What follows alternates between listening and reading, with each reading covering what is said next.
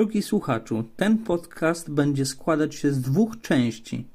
Zapraszam do słuchania części pierwszej.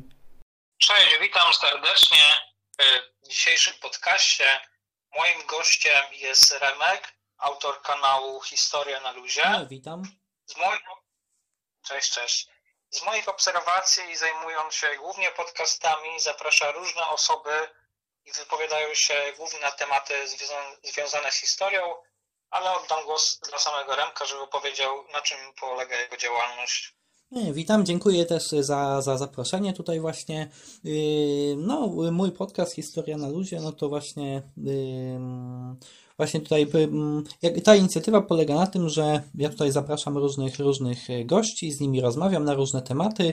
Po prostu yy, udało się na przykład udało się przeprowadzić rozmowę na temat na przykład genealogii, czy na temat frontu wschodniego, lub na temat, na temat maoizmu na przykład, czyli, czy, czy na temat początków syjonizmu, czyli to ten, ten, ten wachlarz tematów jest dość duży. Myślę, że każdy też może znaleźć coś dla siebie. No i właśnie staram się zapraszać do różnych odcinków ciekawych gości. No jak tutaj, jak można zauważyć, no w każdym odcinku jest ktoś inny właśnie, także też jest różny, różny sposób wy, wypowiedzi na pewno, też różny sposób przedstawienia faktów.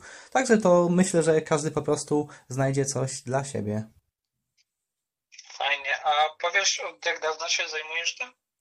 No i podcast zacząłem tworzyć, realizować w, tak, na przełomie listopada i grudnia roku 2021. No na początku ja sam opowiadałem w tych, tych pierwszych odcinkach, no bo to wiadomo jakoś trzeba się rozwinąć, a potem tak od, od marca, kwietnia zacząłem zapraszać gości do, do rozmów. Okej, okay. Masz jakąś wizję na rozwój? Powiedzmy, jakbyś miał stryknąć palcem i coś miałoby się spełnić e, względem Twojego kanału, to gdzieś siebie widzisz? Czy może chciałbyś w przyszłości rozszerzyć poza podcasty działalność, a może chcesz coś usprawnić w tych podcastach? Czy masz jakieś takie mniejsze, większe wizje, plany, marzenia? No, na razie tak po prostu zobaczmy, co, co czas pokaże. pokaże. No, na, na, na razie ten, ten podcast ma taką formę, jaką, w jakiej można go y, wysłuchać właśnie. Y, no, y, no a dalej jak będzie, zobaczymy, może, może na przykład przejdę na, na YouTube'a na przykład, czy, czy no po prostu zobaczymy też, co, co czas pokaże. Fajnie. No dobra, to przechodząc do naszego dzisiejszego odcinku, którego tematem będą szerokie przyczyny przegrania przez nazistowskie Niemcy w II wojnie światowej, to ja zacznę od tego, że Niemcy od 1939 do 1941 pokonały wiele państw, zaczynając od zagarnięcia e, Austrii, przyłączenia i później zagarnięcia e, Czechosłowacji, później wspólna wojna przeciwko Polsce razem z, Rosji, z, Ros, z radziecką Rosją później Belgia, Holandia i pokonanie tamtejszego światowego mocarstwa Francji, rozpoczęcie bombardowania Anglii, e, Norwegia, Dania, więc e, i północna Afryka. Niemcy u szczytu potęgi kontrolowały większość zachodniej i środkowej Europy i część Afryki. Więc z takiego silnego tworu powstał trzeba też powiedzieć, że od początku to było związane z propagandą, ale powstał taki no, mocarny twór, a zarazem jak to bywa w przypadku silnych, silnych graczy, z czasem może występować pewnego rodzaju megalomania, a w przypadku Niemiec występowała silna ideologia, ideologia, ideologia rasowa, która to mm, była może właśnie wzmocniona o te wszelkie, wszelkie sukcesy. Był to reżim totalitarny, więc jakaś opozycja albo nie istniała, ale więc nawet ludzie, którzy wiedzieli, że to mm, źle się skończy dla Niemiec, no, nie mieli prawa głosu przy totalitarnym właśnie reżimie. No i w tym samym ideologicznym systemie i tych zwycięstwach było przekonanie takie e, co do podludzi, Słowian i właśnie pierwszego takiego przełomu w trakcie II wojny światowej, gdy Niemcy odnosili jakieś porażki, to było właśnie przekonanie, o, że Rosjanie są pod ludźmi, że kampania przeciwko Związkowi Radzieckiemu potrwa maks kilkanaście tygodni stąd wynikały różne nieprzygotowania, chociażby od umundurowania, na które to później niemiecki żołnierz cierpiał w trakcie rosyjskiej zimy. Więc z takiej strony właśnie ideologicznej wynikało o wiele takiej no, próżności, ignorancji tak naprawdę nazistowskiej. Mm, przechodząc co do ofensywy, no to w ogóle armia, armia niemiecka, czy to no, Luftwaffe, siły powietrzne, były nastawione na Blitzkrieg, który to właśnie był takim czymś innowacyjnym w tamtych czasach, czyli wojna błyskawiczna. I w przypadku terenów wielkości Polski, Francji, Belgii, Holandii to odnosiło sukcesy, ale w przypadku ofensywy na wschód, czyli na ogromne połacie, no dzisiaj również największego państwa na świecie Rosji, brakowało tej broni takiej mm, dalekiego zasięgu, no ale wciąż ta armia e, odnosiła sukcesy w przypadku wojny błyskawicznej, więc przy tym takim poczuciu, że to działa, e, że tak powiem, dużo nie zmieniono, chociaż jeszcze przed ofensywą e, na stronę radzieckiej Rosji, czyli operacja Barbarossa, powstawały już takie zdania, że to może być zbyt silny przeciwnik, no i co pokazała historia, tak się stało.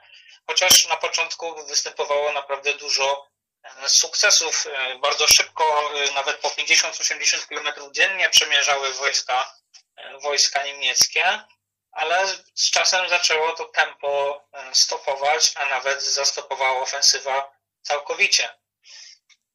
No i może tutaj przechodząc do kolejnych zagadnień, Remku, to zapytałbym Ciebie, czy byś był w stanie się odnieść co do surowców, ludności, porównać armię jedną i drugą, niemiecką i e, rosyjską.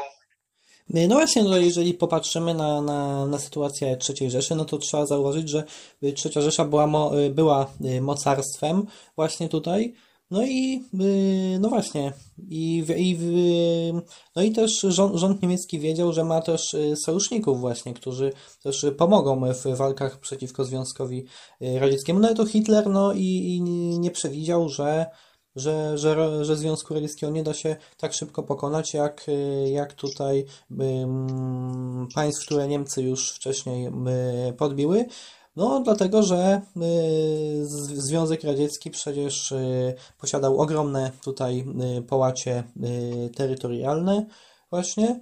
No właśnie, Niemcy, Niemcy miały gospodarkę, gospodarkę, która była nastawiona na, na, ten, na, na działania yy, wojenne. No po prostu Hitler stwierdził, że, że Niemcy są gotowe do, do, do działań wojennych, ale, ale tak nie było tutaj właśnie. Warto to Warto to zauważyć, ale warto zauważyć właśnie, że Niemcy w 1941 roku były były mocarstwem właśnie. No i warto zauważyć też, że Hitler nie planował zająć całego Związku Radzieckiego, tylko yy, zająć Związek Radziecki do, yy, do yy, Uralu, zająć tą europejską część Związku Radzieckiego. No ale jeżeli popatrzymy dalej na te działania wojenne, no to jednak niemiecka gospodarka nie sprostała, gospo nie sprostała temu wyzwaniu. No, dlatego, że y, w Związku Radzieckim były inne uwarunkowania niż, niż, y, niż uwarunkowania w państwach, które Niemcy wcześniej podbiły. Mhm. Ja myślę, że uzupełniłbym Twoją wypowiedź o to, że mm, ludność niemiecka wynosiła około 70 milionów w momencie, gdy e, Rosjan, Rosjanie posiadali 198 e, milionów obywateli czołgów niemieckich, niemieckich było 3600, a więc około połowę tego, e, co rosyjskie. Mm, no i procent PKB tak naprawdę nakładu na zbrojenia był przy niemieckich 5 do 10%, 16 e, do 30% rosyjskich. Ale z tym się też wiąże mm, taka rzecz, że mm, pokazała i wojna, i pierwsze miesiące ofensywy, że tak, Niemcy wygrywali. Tak, Niemcy ogromne ilości jeńców, setki tysięcy w czasie II wojny światowej, miliony zagarnęli, tylko no, reżim, reżim rosyjski też był y, totalitarny, a w związku z tym nie liczono się tam z życiem ludzkim. No i takie kojarzę wypowiedzi różnych tam dowódców y, z tego okresu niemieckich, że tak, są słabiej wyekipowani, tak, są słabiej wyposażeni, ale na po prostu jedną zniszczoną dywizję staje kolejna dywizja.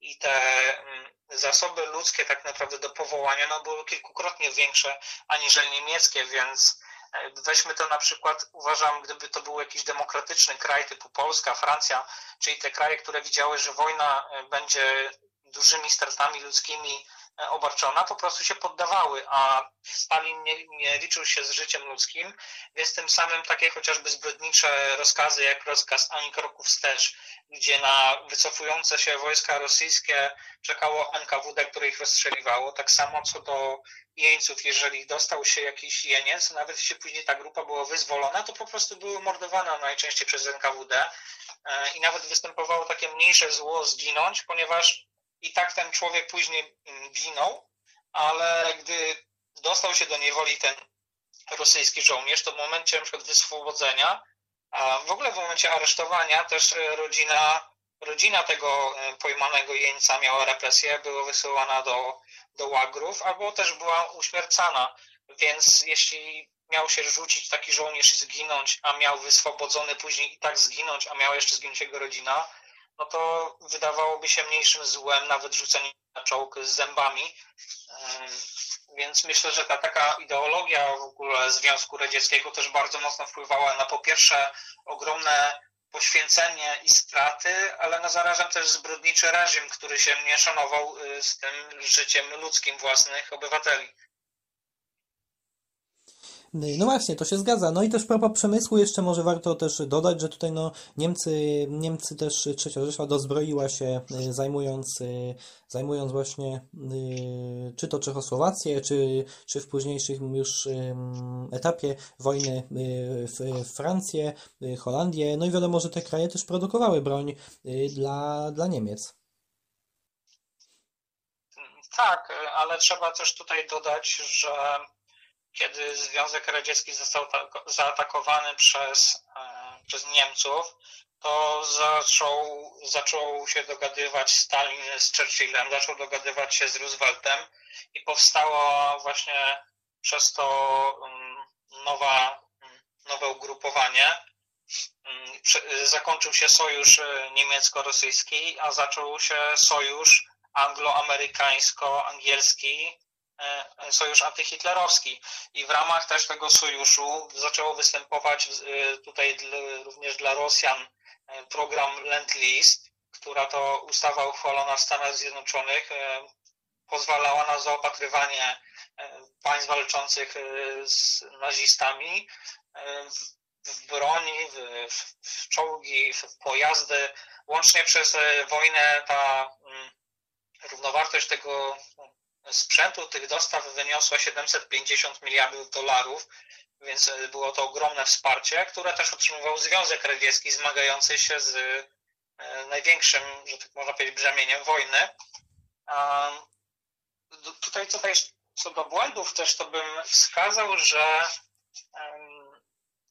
Niemcy nie wygrali tak naprawdę e, starcia z Anglią. Była bitwa o Anglię, którą to Niemcy, Niemcom nie udało się zwyciężyć. No i pomimo, że ta Wielka Brytania okaleczona, osamotniona, to tak naprawdę rozpoczynało się to, e, co też spowodowało przegraną Niemiec w I wojnie światowej. E, pozostawało ryzyko, a później lądowanie w Normandii otworzyło drugi front gdzie wojna na dwa fronty no jest czymś jest naprawdę czymś złym. Pierwsza wojna światowa została w ten sposób przegrana, no i tak naprawdę nie zakończając e, działań wojennych z Anglią, pozostawiając ją na zachodzie, to też występowało inne zdarzenie, to że Niemcy pozostawili dziesiątki dywizji oraz 1500 samolotów na zachodzie Europy właśnie w ramach tutaj agresji czy zagrożenia lądowaniem na zachodzie, a te dziesiątki dywizji i ponad, ponad 1500 samolotów nie wzięło udziału w ofensywie na wschodzie. No, no tak, zgadza się właśnie, bo to była znów, znów nie, znowu Niemcy tutaj atakując Związek Radziecki zaczęły prowadzić wojnę na y, dwa fronty właśnie, no bo tak jak tu wspomniałeś, nie, nie była właśnie, cały czas trwała wojna y, z Wielką Brytanią. Prawda. A co do Wielkiej Brytanii, no to polscy kryptolodzy y, do, doszli do złamania tutaj systemów działania maszyny szyfrującej Enigma, niemieckiej maszyny szyfrującej i dalszy rozwój tego mm, wglądu w meldunki niemieckie odbywał się w angielskiej angielskiej siedzibie zespołu kryptologów w Park. No i ten wgląd nieoceniony tak naprawdę w, w plany wroga był też czymś ważnym. Jednym z powodów, dla których Niemcy prawdopodobnie przegrali tę wojnę. No tak, bo dzięki rozszyfrowaniu niemieckiej maszyny szyfrującej, no znano niemieckie plany po prostu. Dzięki polskim kryptologom Brytyjczycy mogli, mogli poznać y, zamiary y, wojsk y, nieprzyjaciela, wojsk niemieckich. Prawda. A co do, wracając może co do tej ideologii, tej rasy panów i tych podludzi, no to trzeba zauważyć też o zmarnowaniu ogromnego potencjału, ponieważ odbite narody, między innymi jeszcze nie Rosjanie, ale Ukraina, Białoruś, Łotwa, Estonia, e, były tak naprawdę uciemiężone tym stalinowskim terrorem i to były zapewne setki tysięcy, jak nie miliony e, ludzi, które witały Niemców jak wyzwolicieli, a Niemcy właśnie w tym egoizmie, w tej ignorancji, początkowych sukcesach zmarnowali ten potencjał.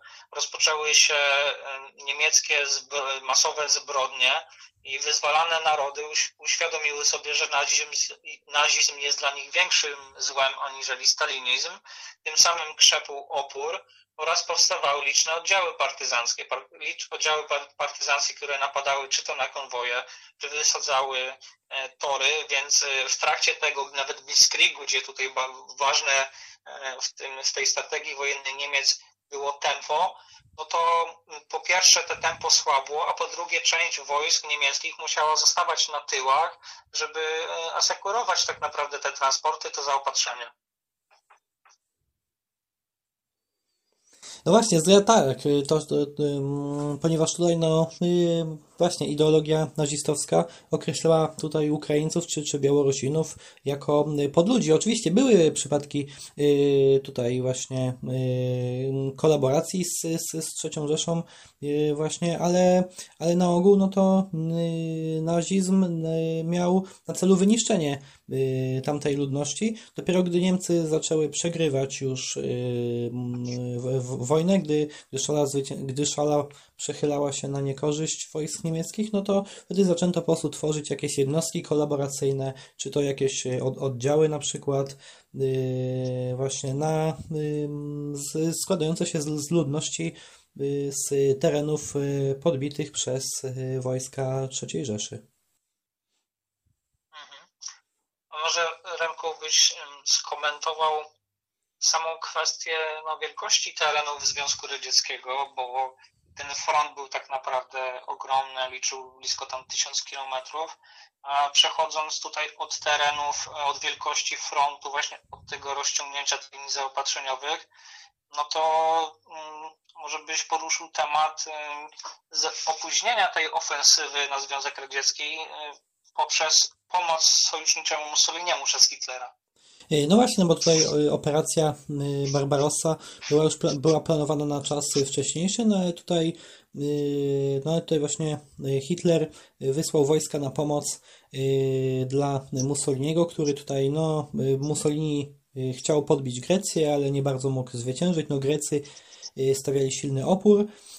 No i mm, te zmagania włosko-greckie trwały od 40 do, do 41 roku, no ale później no, szala przechyliła się na, na niekorzyść Greków, ponieważ Hitler wysłał swoje wojska na pomoc Mussoliniemu, Grecja została zajęta i do tego planu włączona została też jeszcze Y, Jugosławia, czyli tutaj yy, yy, czyli dwa kraje zostały zajęte, Grecja i Jugosławia, właśnie co opóźniło plan, y, co opóźniło wykonanie planu Barbarossa, rozpoczęcie Y, przez Niemcy ataku na, na Związek Radziecki. No jeżeli chodzi o połacie ziemi, no to Związek Radziecki tutaj no to dysponował, to są ogromne, ogromne y, połacie ziemi. Nawet jeżeli właśnie popatrzymy na plany Hitlera, który chciał zająć Związek Radziecki tylko do y, Uralu, czyli tą europejską część Związku Radzieckiego, jak już dzisiaj wspominałem, no to i tak widzimy, że są to ogromne, ogromne tutaj połacie ziemi. No po prostu Hitler i, i niektórzy dowódcy przeliczyli się, że, że, że pokonają y, Związek Radziecki w kilkanaście y, tygodni. No i tak jak mówiłem, ofensywa została przeprowadzona w późniejszym terminie na, na, na Związek Radziecki, co doprowadziło do tego, że, że tutaj no, Niemcy, Niemcy też Niemcy rozpoczynając tą, tą operację Barbarossa w, w czerwcu 1941 roku, no to mieli już bardzo mało czasu do nadejścia zimy, no bo wiadomo, było lato i już potem zaczynała się jesień, a, a, a, a potem szybko zima, gdzie jednak zima w Związku Radzieckim jest dość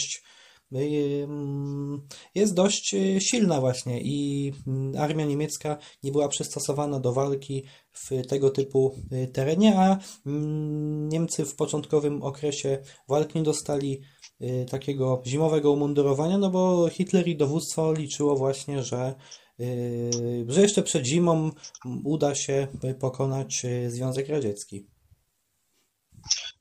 No zgadza się, ta rosyjska zima generał Rus jest silnie ubita legenda, chociaż później wyniki po wojnie okazały troszkę, że było naciągane to i to była propaganda niemiecka, która starała się znaleźć usprawiedliwienie dla swoich porażek.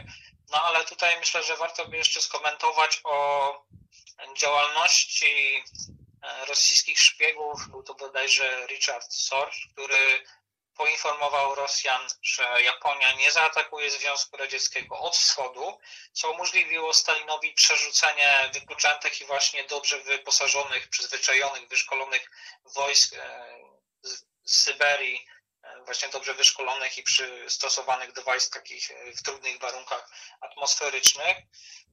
No i niemiecki Blitzkrieg się śpieszył, ponieważ te rosyjska pogoda, rosyjska zima już w przyszłości też e, Napoleonowi chociażby pokrzyżowała plany. Mm, no i tak jak tutaj ty powiedziałeś, ale też zaczynałem od tej ignorancji, o tym przekonaniu, że nawet te niemieckie plany nie uwzględniały, że te działania wojenne będą dalej prowadzone, więc nawet nie rozmyślano nad tym, co zrobić, a zacinała się broń, pękały różne e, systemy jakieś uszczelki i tak dalej. Czołgi stawały y, w miejscu, e, czy to w jesieni w tej ogromnej właśnie rosyjska w ogóle infrastruktura drogowa, no w tamtych czasach trzeba powiedzieć, że to było prawie coś nieistniejącego, więc trzeba było po zwykłych, nieubitych e, ziemi jeździć w tym błocie, wiele nagrań tak naprawdę archiwalnych ukazuje, jak te pojazdy tam, koła się ślizgały w miejscu. No i to było coś, z czym zaczęło się e, niemieckie wojska e, zmagać, a co pomogło e, zwolnić ten niemiecki blitzkrieg oraz jakieś, powiedzmy, jakiś przejaw obrony pierwszy, taki stabilizujący sytuację rosyjski wyegzekwować. Okej, okay, Remku, a wracając trochę do sojuszników, to czy mógłbyś powiedzieć właśnie, jak to wyglądało z Włochami, jak to wyglądało z Japonią? No właśnie. Tutaj no Stalin uzyskał. Właśnie, tak jak tutaj wspomniałeś już właśnie też, że, że tutaj y, niemiecki szpieg y, Zorge przekazał, y, przeka radziecki szpieg Richard Zorge przekazał właśnie, że Japonia nie zaatakuje, Związku Radzieckiego, no bo jak wiemy, Japonia była sojusznikiem y, III Rzeszy, no ale głównym wrogiem Japonii wtedy według rządu japońskiego były Stany Zjednoczone, dlatego właśnie atak na, na Związek Radziecki przez japońskie wojska nie został dokonany. Yy, właśnie, no i ten pakt Japo o nieagresji zawarty pomiędzy Związkiem Radzieckim a, a Japonią, no to przez stronę japońską nie został złamany. No, jeżeli chodzi o Włochów, no to tutaj Mussolini wysłał Hitlerowi wojska na pomoc właśnie, no ale to też y, na pewno przyczyniło się do, do upadku, y, do upadku tutaj Mussoliniego, do pogorszenia sytuacji y, we Włoszech. No i wiadomo, że jeszcze wraz z wojskami III Rzeszy na, na, na Związek Radziecki uderzyły wojska y, rumuńskie, gdzie tutaj przecież Rumunia w 1940 roku utraciła, y, utraciła właśnie w wyniku działań Związku Radzieckiego Bukowinę i, i Bezarabię. Finlandia również była sojusznikiem III Rzeszy, ponieważ tutaj no, Finowie również zostali pokrzywdzeni przez Sowietów w wyniku wojny Y, zimowej, właśnie tutaj. No i też Węgry były sojusznikami Niemiec, które również wysłały wojska na, na, na front. No tutaj wiadomo, y, wiadomo, Węgry były w sojuszu z y, III Rzeszą.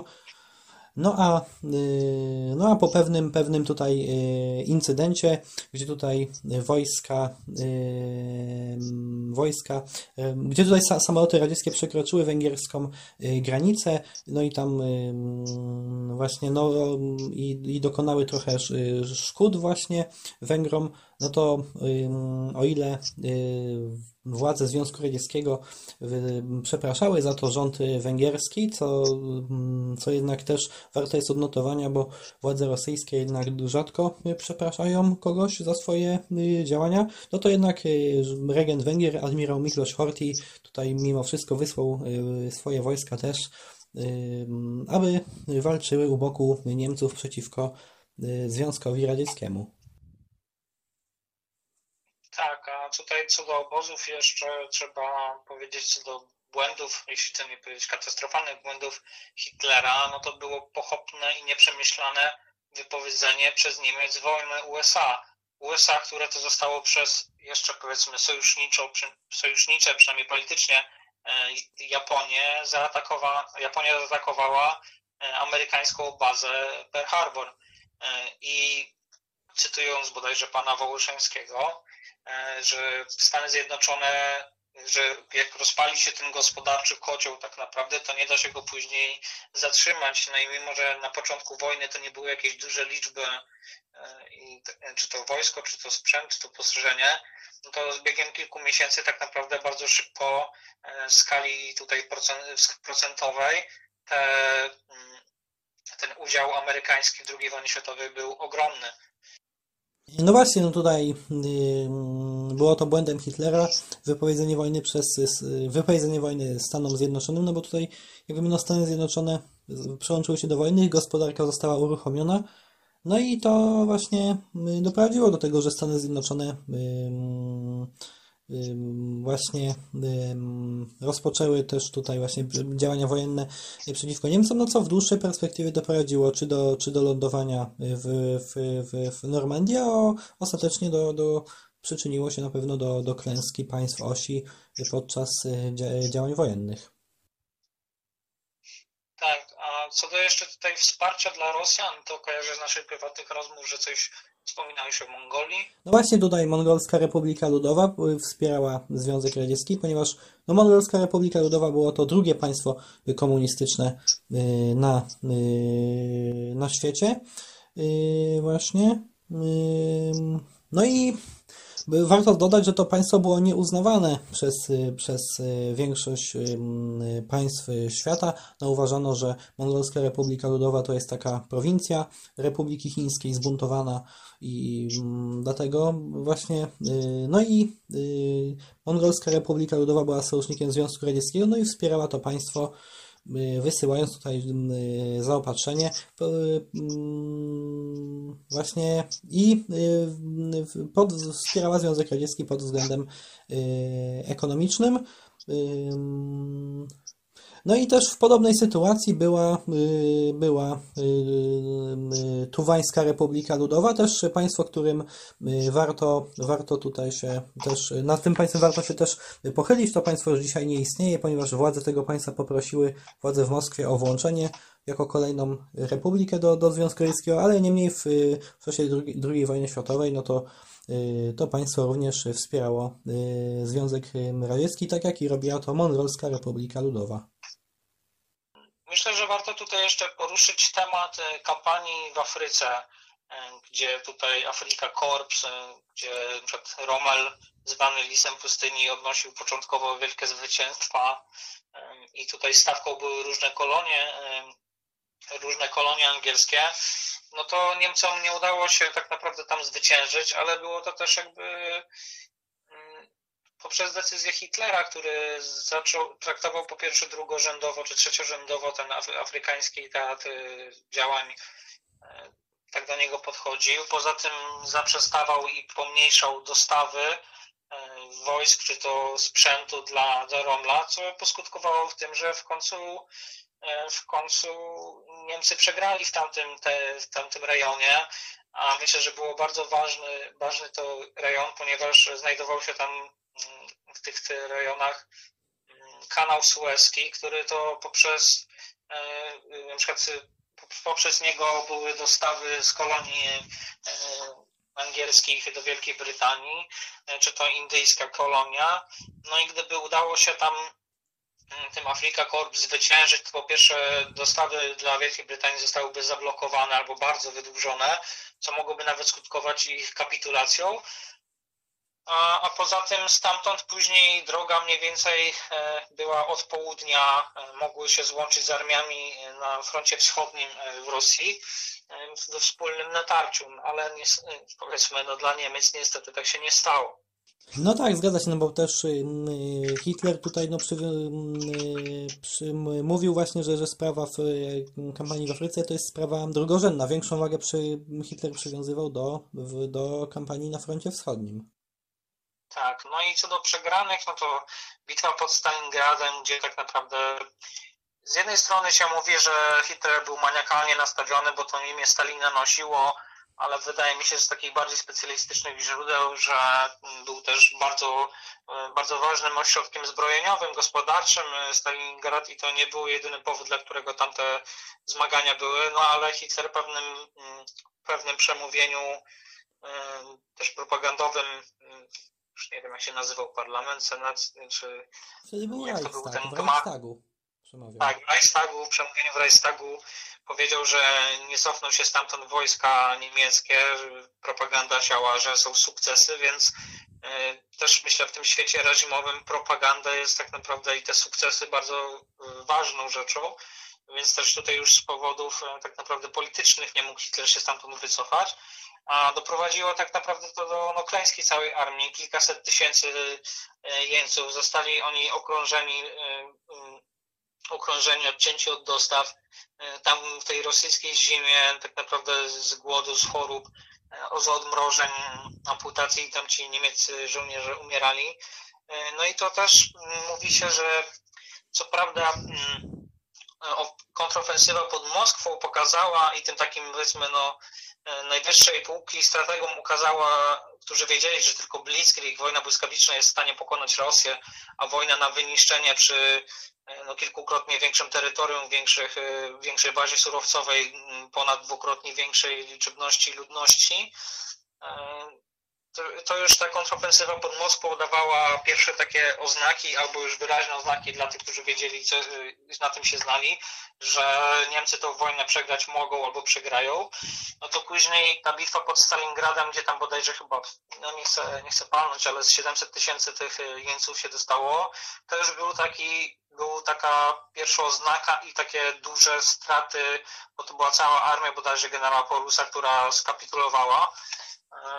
No i to już, że tak powiem, na świecie się rozchodziły takie opinie albo były sygnały, że Niemcy tę wojnę przegrają.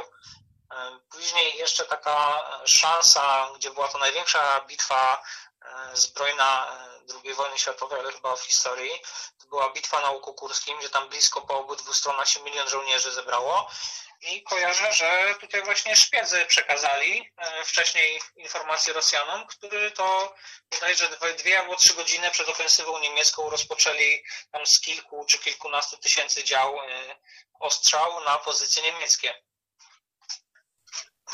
No tak, zgadza się tutaj ofensywa, ofensywa pod Kurskiem właśnie tutaj właśnie była to była to właśnie jedna z największych, była to największa bitwa pancerna y, świata, też warto dodać, no to tutaj właśnie no po przegranej przez Niemcy bitwie pod Nauku Kurskim, no to już Niemcy zaczęły tutaj y, zaczął się niemiecki odwrót tutaj właśnie, no i też y, no i też tutaj zmagania jeszcze były pod Leningradem, gdzie tu Niemcy też okrążyli Leningrad i Leningrad trwał w okrążeniu przez 3 lata. No ale y, Leningrad również tutaj y, Armii Czerwonej udało się udało się tutaj właśnie odbić z rąk, z rąk Niemieców, w sensie udało się przerwać to, to niemieckie okrążenie, dlatego że Leningrad jednak nigdy nie został y, zajęty, tylko był okrążony. No i później już y, armia y, niemiecka była w, w, w odwrocie. Oczywiście były takie bitwy jak bitwa pod Studziankami, czy bitwa o, o, o Kołobrzeg już na, na, na naszych terenach tutaj, na terenach Polski. No i też warto dodać, że już od 1943 roku u boku Armii Czerwonej walczyło, walczyło tutaj powstałe w, w, w, powstałe właśnie wojsko, wojsko polskie, gdzie tutaj dowódcą też był gdzie tutaj do, takimi bardziej znanymi dowódcami był, byli Zygmunt Berling albo Michał Rola Rzymirski tutaj właśnie. No i ta armia Andersa. To znaczy armia Andersa, to tutaj oni walczyli, również walczyli przeciwko Niemcom, ale jednak oni, oni walczyli tutaj po stronie, po stronie no wiadomo, ale również aliantów, ale, ale po stronie jednak tutaj właśnie czy to, czy to Wielkiej Brytanii, czy, czy, czy właśnie no właśnie, czy Wielkiej Brytanii przeciwko, przeciwko Włochom, no a wiadomo jednak tutaj tacy dowódcy jak Żmirski czy, czy, czy Bering, no jednak byli w tym wojsku polskim, no które, no, które stanowiło za, za, zalążek jednak wojska polskiej Rzeczypospolitej. Ludowej, bo jednak tutaj no, Michał Żmirski, Michał Rola Żmirski był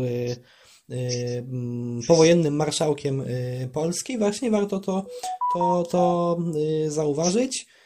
No a też znanym, znanym takim radzieckim dowódcą właśnie, który walczył na, na froncie wschodnim, no to jak wiemy jest Georgi Żukow, właśnie zdobywca Berlina, ale też znanym radzieckim dowódcą. Oczywiście było ich wiele więcej, ale tutaj takim jakby z, znanym z naszej perspektywy, z perspektywy Polaków, no to jest też Konstanty y, Rokosowski, no, który y, no, y, przez Polaków był uważany za, za Rosjanina, a przez Rosjan uważany był za Polaka, niemniej jednak od 1949 roku był ministrem obrony Polski i był też wicepremierem. Dopiero tutaj w 1956 roku opuścił Polskę i wyjechał do Związku Radzieckiego. Ale spotykał się z Polakami jeszcze też później. No i warto dodać, że był to człowiek, który był represjonowany podczas stalinowskiej czystki z końca lat 30.